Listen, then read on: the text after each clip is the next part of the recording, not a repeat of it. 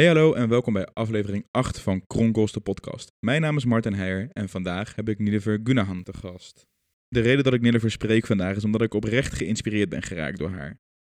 Op de vraag waarom ze afwijkt volgens anderen, hoe ze in de politiek terechtgekomen is en wat ze het liefst zou doen als ze niet meer hoeft te werken voor de geld. Daar krijgen jullie antwoord op in deze podcast, dus blijf luisteren. Oh, en voordat we helemaal in de podcast duiken, ik heb redelijk wat feedback voor jullie gekregen en ik hoop dat jullie de nieuwe vorm van de podcast leuk en beter vinden. Laat het vooral even weten. Klik op volgen hier in Spotify of reageer even via Kronkels de podcast op mijn Instagram. En uh, ik wens jullie enorm veel plezier.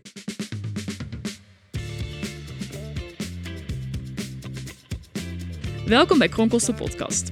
Je hoeft niet 10.000 volgers te hebben op je Instagram, een miljoenenbedrijf uit de grond te hebben gestampt of drie keer de wereld rond zijn gegaan om uniek, authentiek en dus jezelf te kunnen zijn. Bij Kronkels de podcast spreekt Martin Heijer met mensen die volgens anderen een beetje afwijken. Benieuwd wat er wordt bedoeld met afwijken? Blijf dan luisteren en praat vooral mee. Ik denk dat de meeste mensen die naar mijn podcast luisteren jou nog niet kennen. Uh, zou jij eens willen zeggen, uh, wie ben je, wat doe je, hoe oud ben je? Nou, brand los. Uh, mijn naam is uh, Nilifer Gundogan. Ik ben 43 jaar. Ik woon in Amsterdam. Ik ben in 96 weggegaan uit Weert nadat ik mijn eindexamen had gedaan daar op de Philips van Hoorn.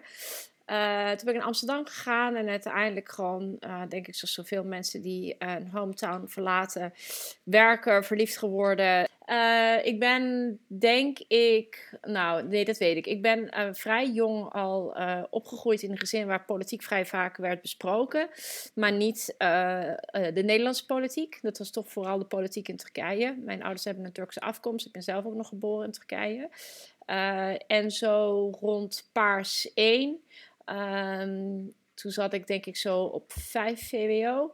Toen werd ik definitief ook geïnteresseerd in de Nederlandse politiek. Daarvoor volgde ik het wel eens. Maar ik denk dat die leeftijd wel een beetje de leeftijd was dat ik definitief interesse begon te ontwikkelen in, uh, in politiek. Uh, dus uh, niet meer iets als wat vooral mijn ouders zich mee bezig hielden, maar ook wel iets was waar ik naar keek. Ik heb heel erg lang ook omdat ik niet een heel. Uh, nou ja, ik kwam eigenlijk meer vanuit het idee van. Nou, ik ben een liberaal. En uh, toen was de VVD natuurlijk de partij die daar het meest op koketteerde. Dus ik dacht dat, denk dat ik gewoon toen in die jaren. Uh, voelde ik me meer aangetrokken door de VVD. En dat is in mijn twintiger jaren is dat, uh, ben ik tot de conclusie gekomen dat het liberalisme van de VVD helemaal niet het liberalisme is waar ik me bij thuis voel. Ik vond dat een te eenzijdig uh, liberalisme. En toen schoof ik dus uh, definitief op naar D66. En toen ben ik um, ruim tien jaar geleden, dan ga denk ik alweer 12 jaar lid geworden. Voor het eerst echt lid geworden van de partij. Dat was D66. Daar ben ik heel erg lang lid van geweest. En um, nu uh, 2018 mijn lidmaatschap opgezegd. Vrij rap nadat ik lid ben geworden van Volt. En Volt is de allereerste pan-Europese partij. Uh, actief in alle landen van de EU met één programma. En uh, je zou ons in de klassieke termen sociaal-economisch links van het midden kunnen zien. Uh, met een hele duidelijke progressieve agenda en een hele sterke innovatieagenda. En um, wat mensen dan niet verwachten bij een partij die iets aan de linkerzijde staat, wel met een stevige agenda op defensie en op kernenergie. Um, dus wat dat betreft zijn wij niet een partij die in één hokje uh, past. En eigenlijk dat, past me dat mhm. perfect dus. Dus ja, maar daar heb ik heel veel nou, over politiek verteld. Over zo, uh. ja, maar daar heb ik heel veel eigenlijk over politiek verteld. Nee, nee, nee. ja. Nee, super, nee, ja. super goed. Nee, maar super. Nee, ik, ik heb dus zeker nog vragen over wie jij bent hoor. En, uh, en politiek is ook zeker iets wat bij jou hoort. Dus het is heel raar als we het er niet over zouden hebben. Ja, uh, absoluut. En ook verder in de podcast zul ik ook zeker wat, wat vragen van, uh, van mensen die ze online hebben gesteld aan jou stellen. Dat gaat ook zeker over politiek. Dus wees, wees gerust, dat komt zeker aan bod. wat ik hier vooral uit jouw verhaal hoor, is dat je best wel een, eigenlijk een hele geschiedenis dus in, in de Nederlandse politiek al wel hebt gevolgd en hebt gezien. En vanuit daar je beeld er bijgeschaafd en nu uh, heb gezegd van, nou, nu, uh, nu is het mijn moment en nu ga ik het eens op doen op de manier hoe ik denk dat het beter zou kunnen. En dat vind ik uh, inspirerend om te horen. Nou, dank je. Um, en um, ik kom altijd naar, naar zeg maar, de hoofdvraag van hè, waarom wijk je volgens anderen af? als ik je die vraag stel, wat zou dan jouw, jouw antwoord op zijn? Nou, ik denk dat ik toch wel een beetje een nerd ben. Politiek hebben en boeken nerd. Mm -hmm. beetje in die hoek. Ja. Ehm, en dat ik daarmee eigenlijk gewoon wel heel erg tegenstrijdig ben. En aan de andere kant ben ik ook best wel, of was ik heel erg best wel een feestbeest. En veel stappen, Oké. dingen doen, feestjes afgaan. Dus ja, dat maakt mij denk ik gewoon wel een beetje een eh, rare snuiter. Omdat ik twee uitersten in me heb. En een rare Ja. snuiter. Ja, ja. Ja. en een rare snu- snuiter voor in de politiek of een rare snuiter gewoon in het geheel? Dat je denkt van nou, de, de meeste mensen die jou kennen hebben het wel over jou. Hoe, hoe moet ik dat eh, interpreteren? Ja, weet ik niet. Ik denk dat veel mensen die het over mij hebben, ik denk dat een aantal dingen. Ik denk dat eh, veel mensen zoiets hebben van. Als je aan een heel belezen iemand denkt, dan denk je toch, denk ik wel vaak aan een heel rustig en eh, nou toch wel heel eh, gedegen iemand. Nou, ik ben best wel wat gelezen, maar dat ben ik ook weer niet. Ik ben heel erg gepassioneerd en temperamentvol en uit, uitgesproken. Dus ik ben een vat vol tegenstellingen. En ehm, ik ben aan de ene kant denk ik ook heel aardig en vriendelijk. En aan de andere kant ook heel fel en eh, kan ook heel filijn en zelfs vals zijn. Dus ik denk dat in alles wat maakt mij apart is dat ik een vat vol tegenstrijdigheden ben. En ehm, daarmee dus de rare snuiter, zoals ik het gewoon noem. En met 43 jaar en heb hoe ik al pak je lang dat dan vrede eh, op als je een samenwerk... Ja, ja, precies. Want sorry, want hoe, eh, hoe pak je dat op het moment dat je een beetje aan het samenwerken bent met mensen? Dus ehm, eh, ik kan me heel erg voorstellen dat dat natuurlijk eff- eventjes schakelen is voor de meeste mensen. Dat ze denken, wow, hè, eh, dit zijn best wel twee grote verschillen. Hoe, hoe vind je daar je weg in? Ik denk er eigenlijk niet zo heel veel over na. En ik denk dat mensen heel snel. ehm, nou, ik denk dat veel mensen uiteindelijk wel zakelijk in ieder geval kunnen waarderen waar ik vandaan kom. Omdat ik in ieder geval wel probeer altijd eh, mijn huiswerk te doen, eh, me voor te bereiden. Ehm, ik vind het ook zelf heel, heel vervelend als mensen gewoon zomaar lukraak uit de nek zitten te lullen. Daar heb ik echt heel weinig geduld voor.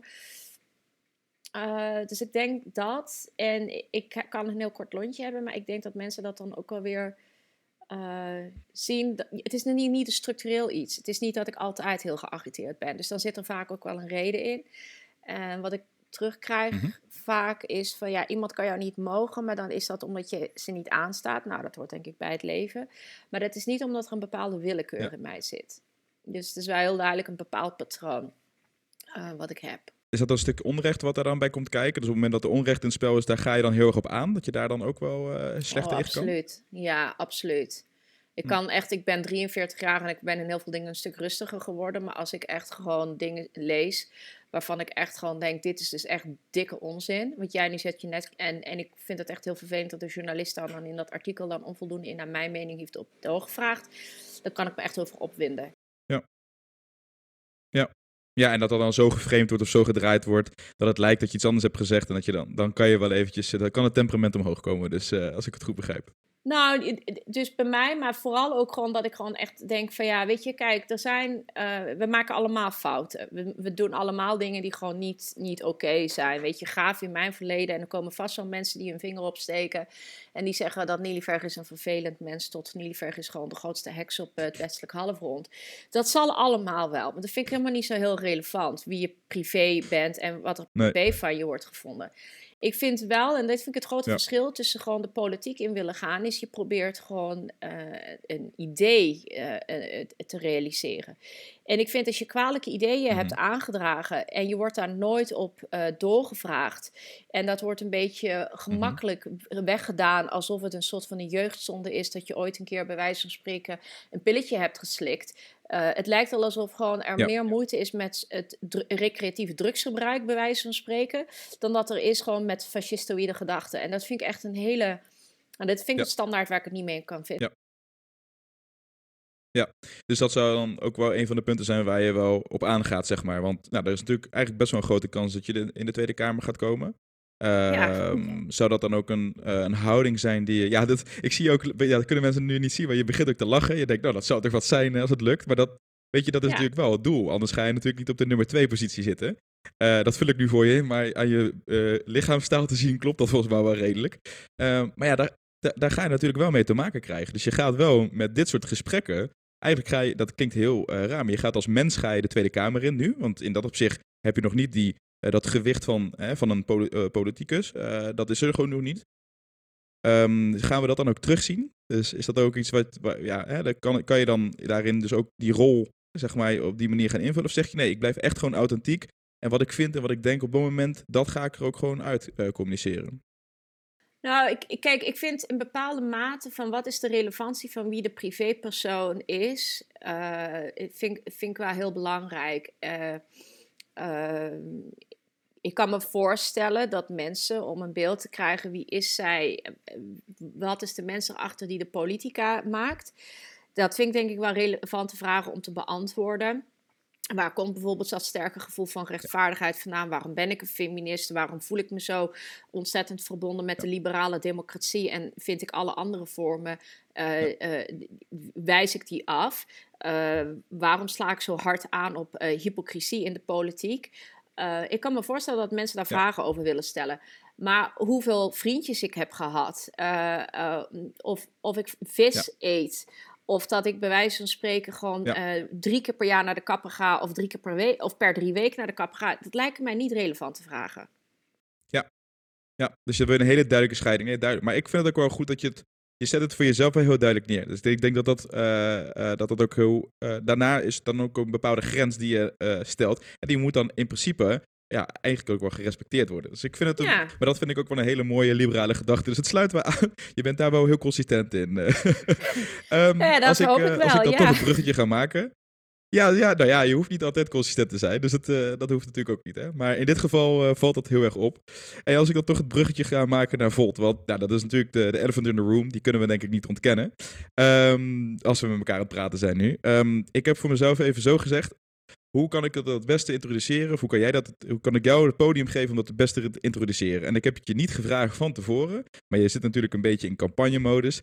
Dus je krijgt van mij één minuut. En eh, ik ben daar streng in. Dus na een minuut zeg ik ook hij is om. En eh, daarna heb ik nog wat, zeker wat doorvragen. Maar leg mij eens in één minuut uit. Wat is Volt en waarom eh, wil jij dat iedereen dat wij spreken op Volt gaat stemmen? Oké, één minuut, niet geoefend. Hier gaat hij. Zeker. is opgericht de dag na de Brexit door drie jonge mensen die een antwoord wilden formuleren tegen het populisme wat Europa uit elkaar aan het scheuren is. En dat antwoord is dat in alle Europese landen met hetzelfde programma wordt gewerkt en allerlei Europeanen eh, dat programma dragen en met elkaar samen ook hebben geschreven en gevormd. Dat programma kan je definiëren als sociaal-economisch links van het midden, zeer progressief, wars van ideologie. Dus waar, er zitten stukken socialisme in, zou je kunnen zeggen, stukken liberalisme in. Maar ook stukken helemaal niet, die onder een grote politieke ideologie te vangen zijn, maar wel met een visie. Wij hebben echt een idee hoe Europa eruit kan zien. En wij vinden dat Europa eraan moet werken en de krachten moet bundelen om er ook op die manier uit te kunnen zien. Voor ons is het heel belangrijk dat het klimaat wordt aangepakt, dat externe dreigingen, dat we die kunnen weerstaan, dat we samen sterk staan, dat we welvaart, wat in dit continent enorm groot aanwezig is, eh, beter gaan verdelen en dat er ook meer welzijn is voor alle Europeanen. En er een betere balans ontstaat tussen de unificatie van Europa die al is gestart, maar nog niet is afgemaakt. Concreet voorbeeld, eh, de rijkere Europese landen. Oeps. We zitten op de minuut. ja, nou, komt toch Mag hem afmaken hoor. Ik ben niet... Nee, maak, maak, maak, nee, maak hem af. Maak hem even. Oké, dan was nog één zin. De rijkere Europeanen, Europese landen, zoals Nederland en Duitsland, plukken meer de vruchten van van de gemeenschappelijke markt, omdat de euro voor hen relatief goedkoop is. En dat zorgt ervoor dat er een scheefgroei ontstaat. En die scheefgroei willen we ook niet. We willen dat heel Europa eh, zich verheft, om het zo maar eens te zeggen. Ja, dat was het. Nou, volgens mij een hele strakke pitch, één minuut plus. Ja, ja. niet te streng zijn, maar anders dan... eh, Nee, als ik, eh, als ik kijk, want ik heb goed naar je verhaal geluisterd. En ik heb daar ook al... Nou, er waren wat vragen die daar natuurlijk al eh, bij pasten, denk ik.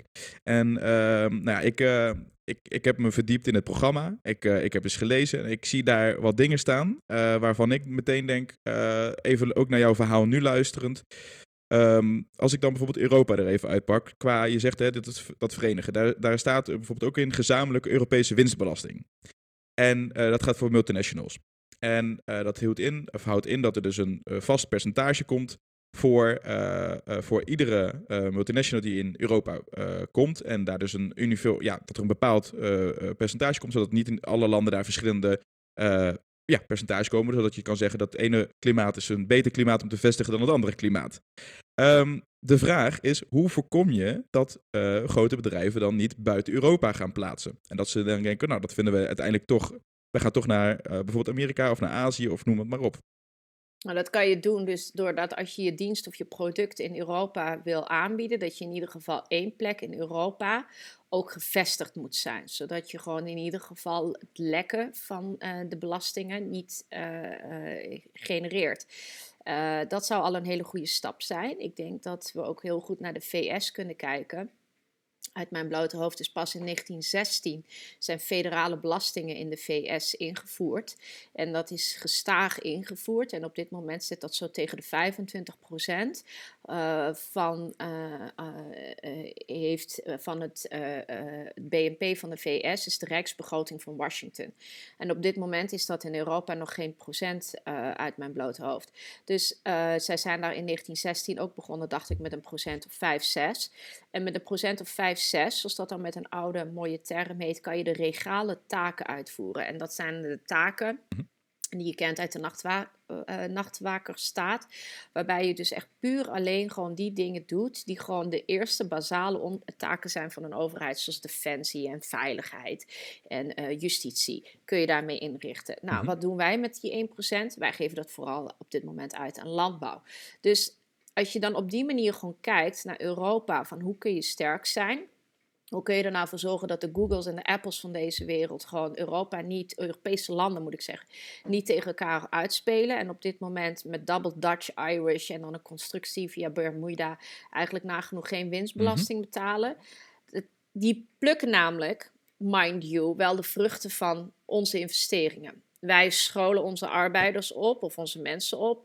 Zij werken bij hen, ze kopen hun producten, ze maken gebruik van de infrastructuur die we hebben aangelegd, zowel de fysieke als de digitale infrastructuur.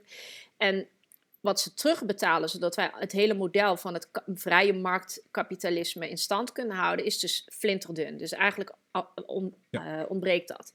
Dus op die manier moet je ook kijken, want anders zou je gewoon zeggen van ja, maar waar dienen belastingen toe? Belastingen zijn eigenlijk gewoon een lelijk woord voor publieke investeringen. Het zorgt er gewoon voor dat de sneeuwruimers vandaag buiten op straat gewoon kunnen zijn, dat kinderen naar school kunnen gaan, dat hm. oude mensen worden gewassen omdat ze zichzelf niet meer kunnen wassen.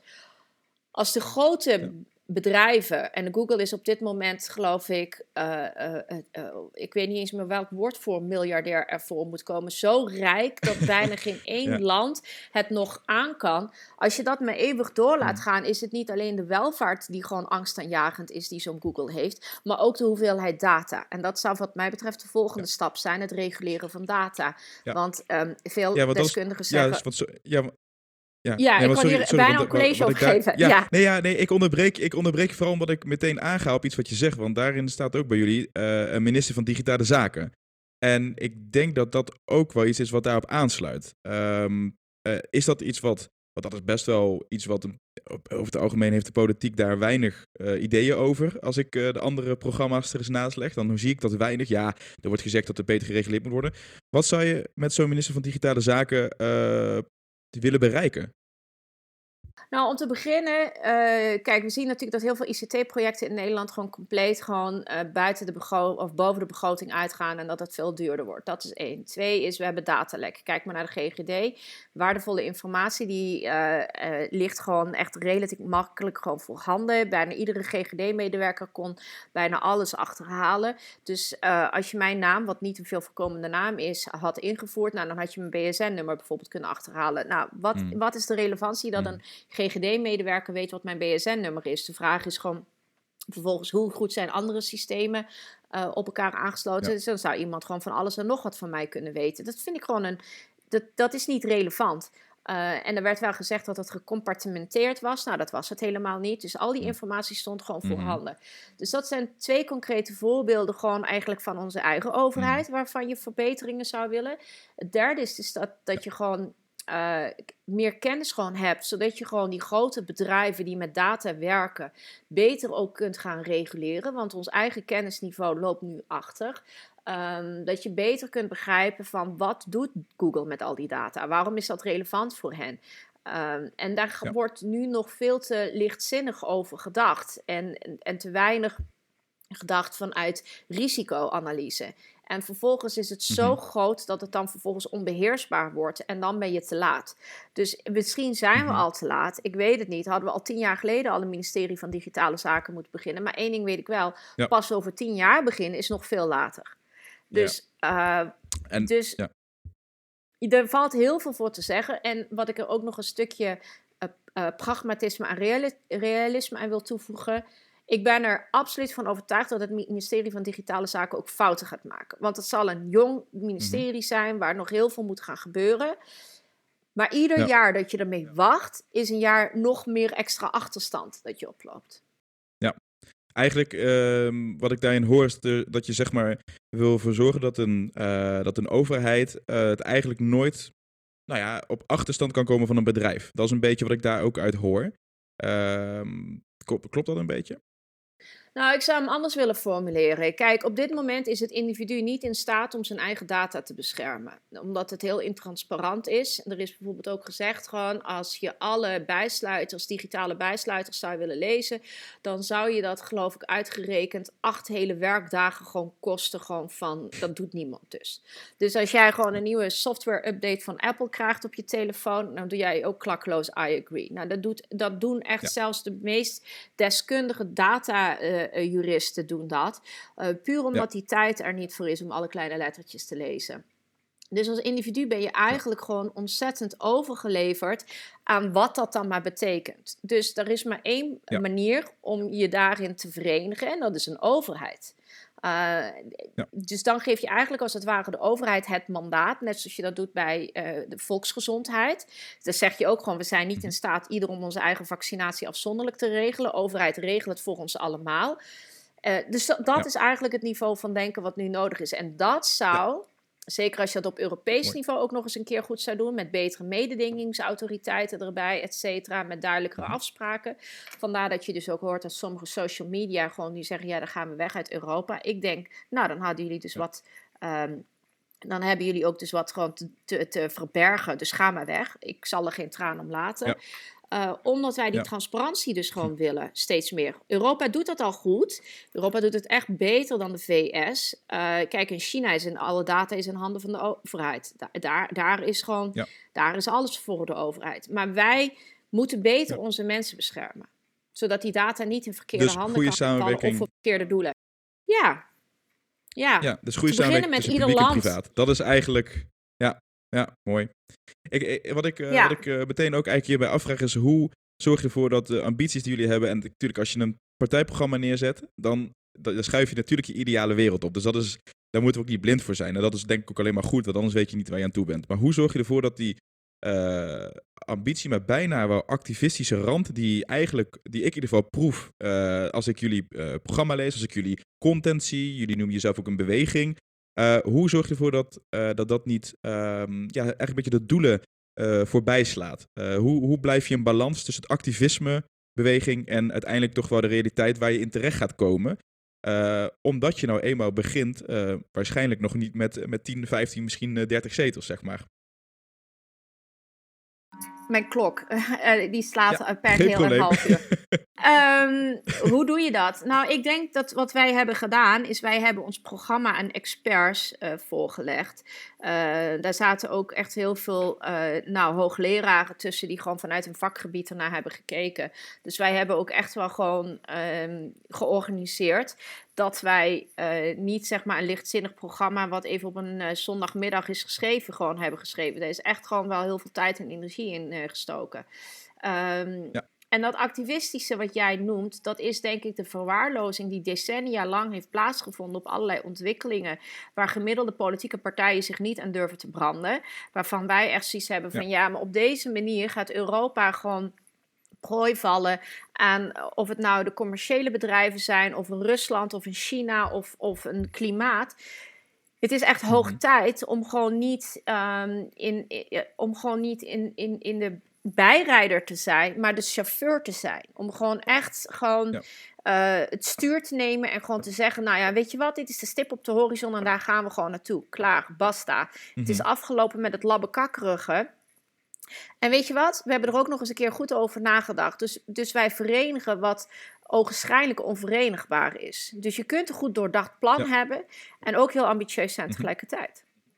Het kan wel. Ja, Ik, ik ben er echt, en ik denk dat Volt het er echt gewoon goed heeft Ik gedaan. zie, wat ik dat zie ook dat je het echt meent. Het is niet, ik, ik, Ja. ik, ik zie ook wel echt dat je zegt van, nou, waarom, waarom stel je die vraag nou? Ik- nee, kan zo bedoel ik het mooi, niet. Dat is mooi om te zien. Dat zo, zo, zo bedoel ik het niet, maar het is gewoon wel. Het is wel gewoon. Ik mis gewoon echt al decennia lang een niveau van ambitie. Dat je gewoon zegt van. Wij gaan in. eh, wat wij hebben gezegd. in 2040 al klimaatneutraal zijn. Wij gaan ervoor zorgen dat wij gewoon heel veel investeren in onderwijs. Want als er één investering is dat een ren- rendement oplevert. dan is het juist onderwijs. Mhm. Gemiddeld zelfs 8%. Dus op al die dingen kan je gewoon eh, super goed gewoon politiek maken. Maar de voorwaarde is twee dingen. Je moet voorbij vier jaar durven te denken. En je moet durven Ja. te denken in mm, voorbij de populariteitswedstrijd. En veel politieke partijen die gaan er nu voor. En dat is ook wat Ja. ik heel vaak hoor. Ja, maar ja, heb je daar wel draagvlak voor? En dan denk ik, nee, ik maak er Ja. draagvlak voor. Hmm, mhm. We draaien hem gewoon om. Ja, Ja, mooi. we hebben een goed idee en we gaan Als er ik, wel eh, mensen voor vinden. Ja, nou ja, dat is ook eigenlijk stiekem iets wat ik nu eh, aan het doen ben met de podcast. Want ik heb ook mensen gevraagd van, op Instagram van, heb je een vraag? Dus ik bedoel, kijk, ik kan wel alle vragen bedenken. Ehm, nou, ik hoorde het bruggetje. Ik denk, nou, deze kwam er beter uit dan, eh, dan dat ik hem in mijn hoofd had. Maar, ehm, maar als ik toch kijk naar, ehm, naar die vragen dan. Hè? Dus ik, ik ga ze eens voorlezen. Eh, eh, als je geen antwoord hebt, want het zijn ook wel redelijk eh, specifieke vragen. Eh, kan ik ook begrijpen dat je denkt van jeetje, daar moeten we later nog op terugkomen. Is ook geen probleem. Ehm, maar een van de vragen was, eh, nou, in jullie programma staat de suikertax. En eh, er staat eigenlijk, de vraag is ehm, re- redelijk veelzijdig. Dus ik ga hem even voorlezen als ik hem gekregen heb. Ehm, hoeveel gaat dat kosten? Worden gezonde ges- producten gesubsidieerd? Eh, gaat dat niet eventueel eh, tegenwerken omdat dan eh, mensen met een lager inkomen misschien wel meer voor hun ongezondere voedsel, wat ze ook natuurlijk recht toe moeten kunnen blijven krijgen, betalen? Gaat dat dus niet buitenproportioneel mensen met een lager inkomen straffen? Dat is even de samenvatting van de vraag. Ehm, bij deze. Nou, het is, kijk, de suikertax is niet, eh, dat is één onderdeel in het verkiezingsprogramma. Er staat ook in ons verkiezingsprogramma heel duidelijk dat wij willen dat het wettelijk minimumloon omhoog gaat.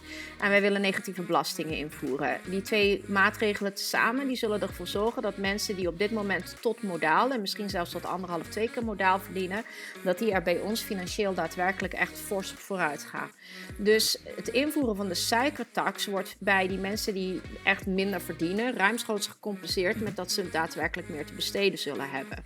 Ehm, waardoor zij gewoon die gezonde keuze beter financieel kunnen dragen dan dat ze op dit moment zouden kunnen doen. En het gaat ons er met name om. En wij hebben, omdat wij niet in de Tweede Kamer zitten, wordt ons programma niet doorberekend door het CPB. En dat laten doorberekenen is een ontzettende complexe en dure aangelegenheid. En dat geld hebben we simpelweg niet. Dus hebben we met, wat ik al eerder zei, met een aantal hoogleraren en deskundigen gewoon daar gewoon wel redelijk goed aan gezeten. En hebben we gewoon een Ja. redelijk goed beeld van waar we het ongeveer moeten zoeken. Dus echt exacte cijfers Ja. weten we niet. Dus daar kunnen we ons ook nu niet aan pinnen. Maar in de fractie, als we daarin zitten, dan hebben we wel de middelen om het door te zoeken.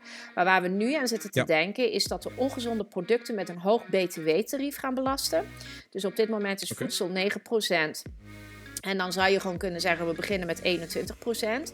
Dus dan wordt de suikertax, wordt dan net zoals dat je zeg maar gewoon eh bij wijze van spreken een tv koopt, wordt dan als een luxe product gezien. En dat lijkt me ook goed, Ja. want suiker is absoluut heel slecht voor de volksgezondheid ook. Dus eh, ik ben er absoluut niet op tegen dat mensen gewoon zoete producten kopen, hoor, want ik ben zelf ook dol op chocola. Maar ik vind het ook prima dat die chocola 40 cent dan ongeveer duurder gaat worden. Daar komt het dan ongeveer niet op neer. Ja. En dus om dan de kern euro. te pakken. Ja, ja, ja nee, sorry, omdat je dus zegt van. Hè, waar, omdat we ook andere maatregelen hebben.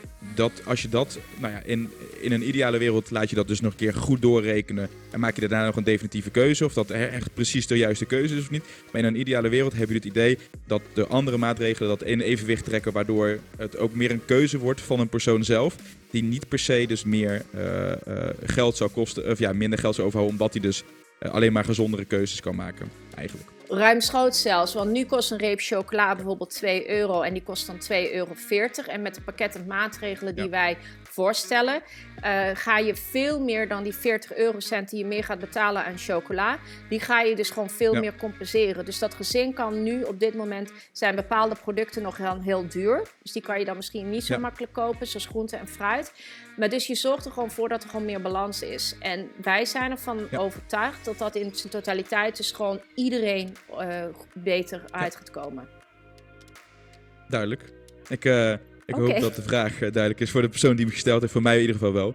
Ehm, de volgende vraag is ehm, niet alleen Europees, maar ook lokaal. Wat gaat iemand daar uit een bepaald dorp in Nederland, maakt even niet uit waar, dan aan merken als je op Volt zou stemmen? Nou, om een concreet voorbeeld te geven, is bijvoorbeeld, eh, noem ik wel vaker, is mijn neef die in Enschede woont. Sorry. En die een eh, bedrijf heeft in Gronau. Hij eh, heeft een eh, eh, keukenbedrijf. En inmiddels heeft hij, omdat hij dat bedrijf al langer heeft, inmiddels zijn weg er al gevonden. Maar dat was echt een jungle om vanuit Nederland en Duitsland te zitten en in beide landen te verkopen. Dus voor mensen die juist in die grensgebieden wonen, denk ik, willen wij gewoon echt toe naar die one-stop shop KVK, die gewoon in de regio ehm, het veel makkelijker maakt om te ondernemen. Waardoor je gewoon, eh, stel je bent kapster in Venlo en het loopt gewoon goed en je wil net over de grens een tweede zaak openen, of bakker of wat dan Ja. ook. Waardoor al dat soort dingen gewoon een stuk makkelijker worden. Wij snappen niet dat het Europa, wat aan de ene kant de grens weg heeft voor ondernemers, vooral in MKB, het nog steeds zo complex heeft gemaakt en het gewoon echt een rompslomp is om gewoon je weg daarin te vinden. Ehm, dus dat kan, Ja. denken wij, veel makkelijker. Wat wij ook willen is het Ja. Erasmus-programma, wat nu alleen voor eh hoger opgeleiden is. Dat willen we gewoon uitbreiden tot en met eh, MBO en toe. Waardoor alle mensen in Europa die jong zijn, gewoon heel makkelijk elkaars cultuur gewoon eh, kunnen leren kennen. En ook bij elkaar op school kunnen gaan zitten. Waardoor er gewoon Europa minder een abstract iets wordt. Of gewoon alleen maar van de vakantie in de zomer. Maar dat je gewoon echt elkaar leert kennen. Eh, dan denk ik Ja. ook dat je gewoon eh, heel jong ook allerlei inspiratie op kunt doen van wat kan ik in Europa nog doen? Wat kan ik in Europa nog realiseren? Ehm, Ja. Dus dat zijn denk ik maatregelen die gewoon denk ik dicht bij mensen staan van wat wij eh, voor ogen hebben. Duidelijk. Ehm, en dan de derde. De derde vraag was: jullie zijn een Europese partij. Ehm, dat betekent dat je dus ook eigenlijk eh, leeft naar de basis die in, eh, in de partij zeg maar, eh, gesteld wordt. Wat nou als een ander land een andere gedachtegoed heeft over een heel specifiek onderwerp? Hoe gaan we daarmee om? Is dat iets wat toelaatbaar is? Of is dat wel echt iets waar met elkaar dat toch wel over gesproken wordt? Van nou ja, in België wordt er gedacht op een andere manier dan in Nederland. Eh, worden dan bij elkaar gezet. Hoe, hoe, hoe gaat zo'n afstemming binnen een Europese partij? Nou ja, weet je, bijvoorbeeld een van de onderwerpen die wat, wat ingewikkelder lag, omdat sommige landen daar gewoon nog wat minder, ehm, eh, of wat meer, wat, wat complexer ligt, is bijvoorbeeld het homohuwelijk. En uiteindelijk hebben dat in heel Europa wel omarmd. Maar dat heeft wel heel veel dialoog eh, gekost. Ehm, ook ons gematigde standpunt in zaken van kernenergie, daar is ook heel veel dialoog aan vooraf gegaan. En uiteindelijk is gewoon de keuze die wij maken, dat wij eh, die grote onderwerpen dus met elkaar op onze Europese eh, congres vaststellen. Dat, is dan, dat noemen wij dan ons moederdocument en dat vullen we dan iedere zoveel tijd aan. Eh, en dan zie je dus dat er gewoon ook verschillende gedachten gewoon naar voren komen. En dan wordt daar gewoon echt tijd voor genomen om met elkaar die discussie en de dialoog ook aan te gaan. Ehm, Ja. En dan zijn er gewoon bepaalde terreinen die nou, niet per land definitief worden ingevuld. Om een concreet voorbeeld te geven. Hoe hoog het negatief belastinginkomen moet gaan worden, hoe hoog de basisbeurs bijvoorbeeld moet gaan worden, dat, of de wettelijk minimumloon, dat zijn op dit moment zijn dat nog nationale aangelegenheden. Ik kan me voorstellen dat we in de toekomst naar een verder geïntegreerd Europa, dat we dat ook verder gewoon gaan integreren. Ik neem altijd weer de geschiedenis van Amerika dan weer voor ogen, hoe zij gewoon gestaag op dat soort dingen steeds meer federaal zijn gaan organiseren, omdat je door de beweging van mensen onderling er niet eh, anders kan dan daar gewoon op een gegeven moment ook gezamenlijk beleid op te ontwikkelen. Zo simpel is het. Ja. Eh, je moet daar op een gegeven moment over doordenken. Maar op dit moment is dat niet de grootste prioriteit. Dus laten we dat gewoon ook aan de nationale hoofdstukken zelf. En kunnen wij bijvoorbeeld gewoon zeggen, ik neem maar dat is een uh, getal dat veel wordt genoemd, dat het wettelijk minimumloon inderdaad 14 euro bijvoorbeeld moet gaan worden. Terwijl Duitsland zegt wij mhm. houden hem op 12. En Bulgarije uiteraard wat veel uh, armer is, kan gewoon zeggen wij houden hem op 9. Ik noem maar even wat, even wat getallen. Dus die ruimte is er ook. Dus daar waar de ruimte is, vullen we het nationale in. En daar waar we het belangrijk vinden om met één stem te spreken, zoals klimaat, uh, multinationals en hun belastingen, dat pakken we wel gewoon Europees. Oké, ja. Nou, volgens mij waren dat. Uh, nou, één, de laatste was wel wat kritischer, maar uh, volgens mij ook alleen maar goed. Hè? Dat, het, uh, dat je kritisch aan de tand wordt gevoeld, want mensen moeten toch weten waar ze aan toe zijn. Um, nou, dan heb ik ook nog het, het sociale rondje. En dat is eigenlijk een beetje dubbelop. Aan de ene kant sociaal, omdat het een thema is. Wat ik, ik vind het altijd fijn om een sociaal thema te bespreken. maar ook omdat ik het op social, ja, sociale media vandaan tover. En dit keer heb ik, heb ik jouw social media account er eens even bijgepakt. En um, oh. nou, ik heb iets, iets, iets moois gevonden. Ja, ik, ja dat is nadat als je openbaar bent, dan, dan krijg je dat. Hè? Nee, nee, nee. Ik, um, Nee, ik heb een heel mooi bericht gezien uh, van 11 december. Dat had, met, met Paarse Vrijdag, of Paarse, Paarse Vrijdag zeg ik, is het? Ja, Paarse Vrijdag, ja. Paarse Vrijdag te maken. En eigenlijk geef je dat bericht aan van, um, ook al hoor ik zelf niet tot de queer gemeenschap, ik steun het. en um, nou ja, dat je eigenlijk het bijna gek vindt dat je vanuit kleuren moet denken, maar dat je toch het liefste wil dat het paars is. Nou, op zich leuk, want jullie uh, achtergrond of jullie kleuren van de partij zijn natuurlijk paars. Maar er zit natuurlijk wel een, uh, een diepere boodschap in dat bericht. En bedoel, dat zet je niet alleen maar online omdat je dat even, dat je net is Paarse Vrijdag. Dat, dat, ik, ik lees ook in andere berichten wel hoe je daarin in staat. En uh, mijn vraag is, hoe zien we uh, eigenlijk de queer community als jullie de politiek ingaan? Uh, hoe gaat dat iets concreets worden? Of is dat iets wat je in gedachtegoed moet willen vertalen? Dat je daar open naar kijkt? Hoe zien jullie dat voor je? Nou, het is denk ik een optelsom van zaken. Dus eerst bijvoorbeeld een, een aantal concrete voorbeelden. Uh, ik ben 43, dus ik sta wat verder weg van bijvoorbeeld seksuele voorlichting. Maar als ik dan bijvoorbeeld met mensen praat die begin 20 zijn binnen Volt, die vertellen dat nog steeds de seksuele voorlichting op veel scholen eigenlijk gewoon de voorlichting is van een mannetje en een vrouwtje. En dat er gewoon mhm. heel weinig seksuele voorlichting is voor mensen die uh, uh, zich ja, tot regenboogfamilie uh, voelen behoren. Dus dat er gewoon mm daar geen aandacht aan wordt gegeven, zowel niet aan de identiteit als aan de seksualiteit. Nou, dat vind ik echt al iets waarvan ik denk dat is laaghangend fruit. daar hebben we ook met een seksuoloog hebben daar ook een podcast over gemaakt. Nou, daar kan je denk ik gewoon in educatie kan je daar echt al rassenschreden in zetten. Het andere is, is dat gewoon landen in Europa die op dit moment de liberale democratie aan het afbreken zijn, zoals een Polen dat de LGBTIQ plus vrije zones heeft, wat totaal niet democratisch is. Ik vind dat we daar gewoon echt gewoon serieus over moeten nadenken wat we met die landen aan willen en hoe we die landen ook dan wel serieus kunnen disciplineren en in het gereel kunnen krijgen, dan wel serieus gewoon uh, worst case scenario zelfs moeten overwegen om ze uit de EU te zetten. Ik sta daar, ik vind de democratische waarden belangrijker dan het aantal landen dat lid is van uh, de EU. Um, Dus dat is de politieke tak, om het zo maar eens even te zeggen. En het, het andere is, is natuurlijk gewoon het maatschappelijke tak, is dat je het gewoon draagt. Is dat je het gewoon. Um, ik vind een risico wat we nu aan het belopen zijn in Nederland, is dat we het doorslaan in identiteitspolitiek. Dus um, alsof ik, omdat ik niet queer ben, niet um, politiek nadenk over de queer gemeenschap, praat met de queer gemeenschap daar moeten we ook een beetje voorzichtig mee zijn. Maar ik vind het wel.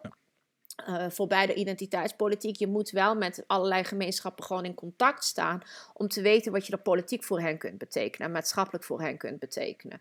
Dus en dat is mhm. iets wat we gewoon structureel wel doen. En ik denk het feit dat wij als jonge partij ook een relatief hoge queer uh, uh, ledenbestand hebben, dat komt denk ik echt omdat we een hele progressieve en, en open-minded partij zijn, waardoor gewoon allerlei mensen zich gewoon welkom voelen bij ons. Dus, en, en dat vind ik ook wel echt een van de pluspunten gewoon aan Volt.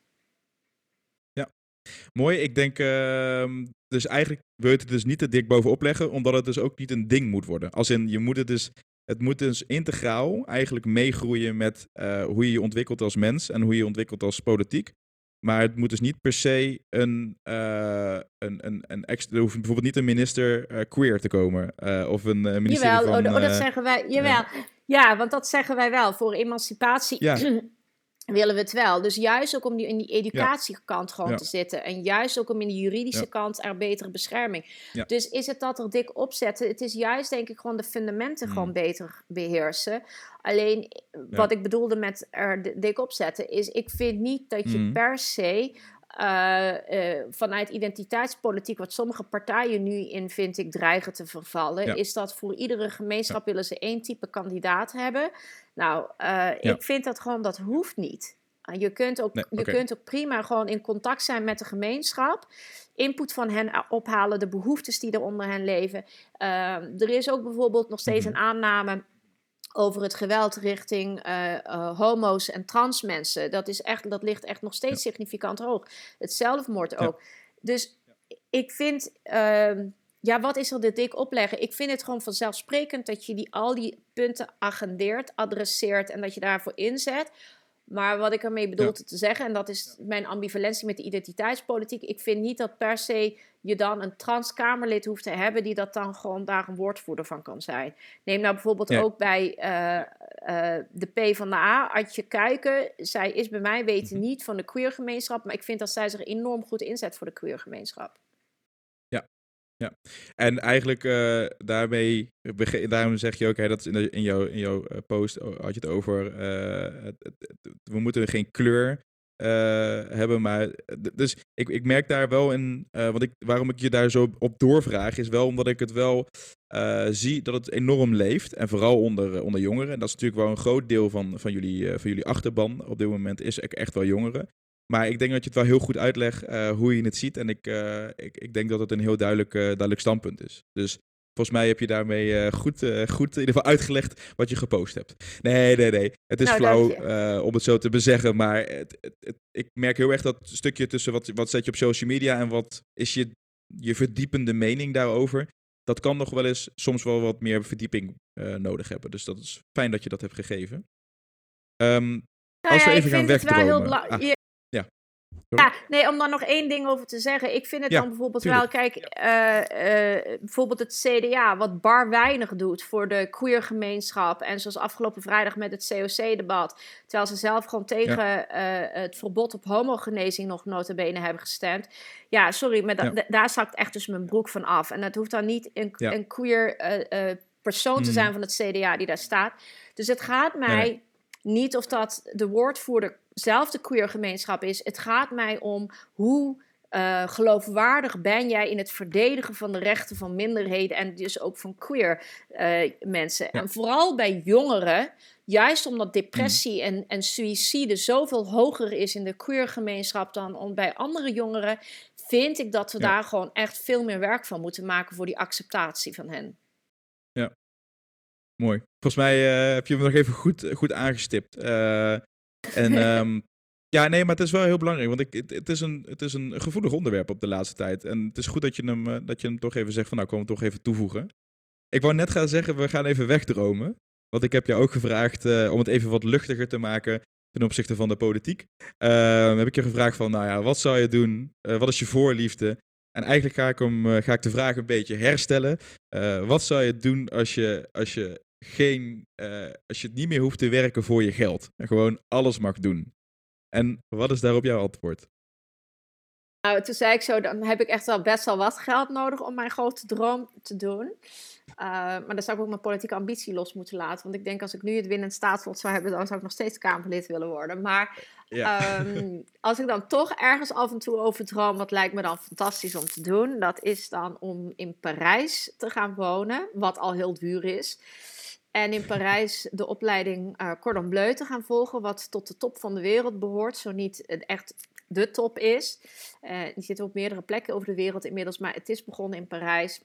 En het is mhm. de koksopleiding. En dan kan je ook uh, tegelijkertijd je Frans bijspijkeren. En als ik dan ga dagdromen, lijkt dat me toch wel echt heel mooi om iedere dag vanuit mijn uh, Parijse appartement naar uh, mijn Parijse kokschoolopleiding te gaan en dan uh, mm -hmm. ja, kok te gaan worden. Dat, en sta, sta je nu ook voor je als, als, als hobby zeg maar in Amsterdam ook veel in de keuken? Of is dat is dat echt, echt een droom, zeg maar? Is dat dus, dus nu valt het wel mee? Of is het nu ook wel echt iets actiefs wat je, waar je mee bezig bent? Op dit moment heel eerlijk gezegd niet, want de campagne vergt echt heel veel. Maar ik kook echt heel graag. En, Mhm. ehm, ik, en ja, ik bak ook graag. Vind dat ook echt oprecht heel leuk. Uh, maar Ja. de laatste tijd moet ik echt heel eerlijk zeggen dat ik gewoon, uh, is het vooral een voedzame, goede maaltijd maken die niet te veel tijd mag kosten en uh, dat. Ik vind dat wel echt heel bellen, belangrijk. bellen, Ik heb een zoontje. Ja, nou, ik, maar ik heb wel een zoontje van vier. Um, dus ik vind het Hmm. wel echt heel belangrijk. Uh, juist ook omdat ik wel echt heel druk ben en veel gewoon uh, in mijn eigen kamer gewoon zit. Uh, Mhm. in, in hem dus dan overdag, ondanks dat de lockdown er is, niet zo heel veel zie. Dat we dan s'avonds in ieder geval met elkaar aan tafel zitten, samen eten. Ik vind het heel belangrijk dat hij al zijn vitamintjes binnenkrijgt. Want Ja. um, dat is niet alleen vanwege de cognitie, is heel belangrijk. Maar ik vind het ook echt heel belangrijk dat hij een ja, dat hij een goede smaak ontwikkelt. Dat hij later gewoon niet Ja. zo'n kind wordt dat gewoon zegt: Oh, lust ik niet. Dat, uh, dus ja. ja. Ja, nee, ja, ik vind dat Ja. een mooie, een mooie, mooie benadering. En ehm, ja. Dus, dus, dus even wegdromend eh, lig je ergens, eh, lig je ergens mooi in Parijs en eh, te genieten van, eh, van je, van je harde, harde werken, je koksopleiding. En eh, nou ja, en eh, als we dan, eh, dan Ja. even gaan afstomen, want we zijn eh, bijna aan het einde gekomen, want we hebben al bijna een uur voorgekletst. Het gaat echt super snel. Oh god, Ehm, dat gaat snel, ja. Ja, dat is echt, het is echt ongelooflijk. Soms denk ik ook van, ja, wie luistert er nog een uur? Maar dat zijn er af en toe nog wel wat mensen. Dus nou, fijn dat jullie er nog zijn. Ehm, als, je, ik, ik, ik, ja, als we dan even gaan afstomen, ehm, dan heb ik, heb ik drie na, ja, vragen nog. En de eerste vraag is eigenlijk, waar ga jij echt van aan? Daar ga ik echt van aan. Als in van, daar word ik er gewoon super energiek van. Wat ik echt heb gemist en waar ik echt laatst in één keer gewoon dacht... Oh, of zodra het weer kan en de lockdown is voorbij, dan ga ik dat echt weer doen. Duiken. Duiken, kijk. En heb je daar je Ja, dat heb ik echt het- gemist. Nee, ja, dus, eh, eh, eh, dus, dus die heb ik. Maar het is nu al een post niet meer. Een paar jaar heb ik al nieuw niet meer gedoken. De laatste keer was in 2015. Dus dat begint al zes jaar te Mhm. worden.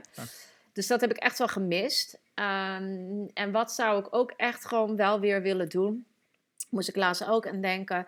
eh, is ik heb een vriend en die woont in eh, Zwitserland. En met hem echt gewoon flinke wandelingen maken door, eh, in die omgeving.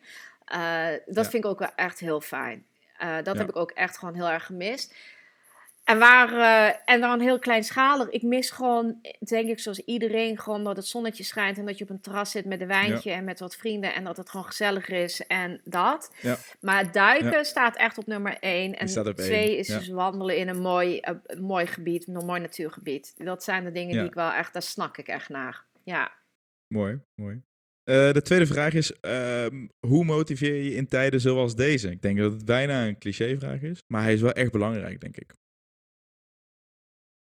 Heb ik eigenlijk niet zo heel veel moeite mee. En als ik af en toe een soort van een low momentje heb, eh, dan zet ik toch wel heel snel. eh, de laatste tijd heb ik weer Eminem weer opnieuw ontdekt. Zet ik Ah, Eminem op en dan word ik wel weer en dan heel old erg school, zeg maar? Of, eh,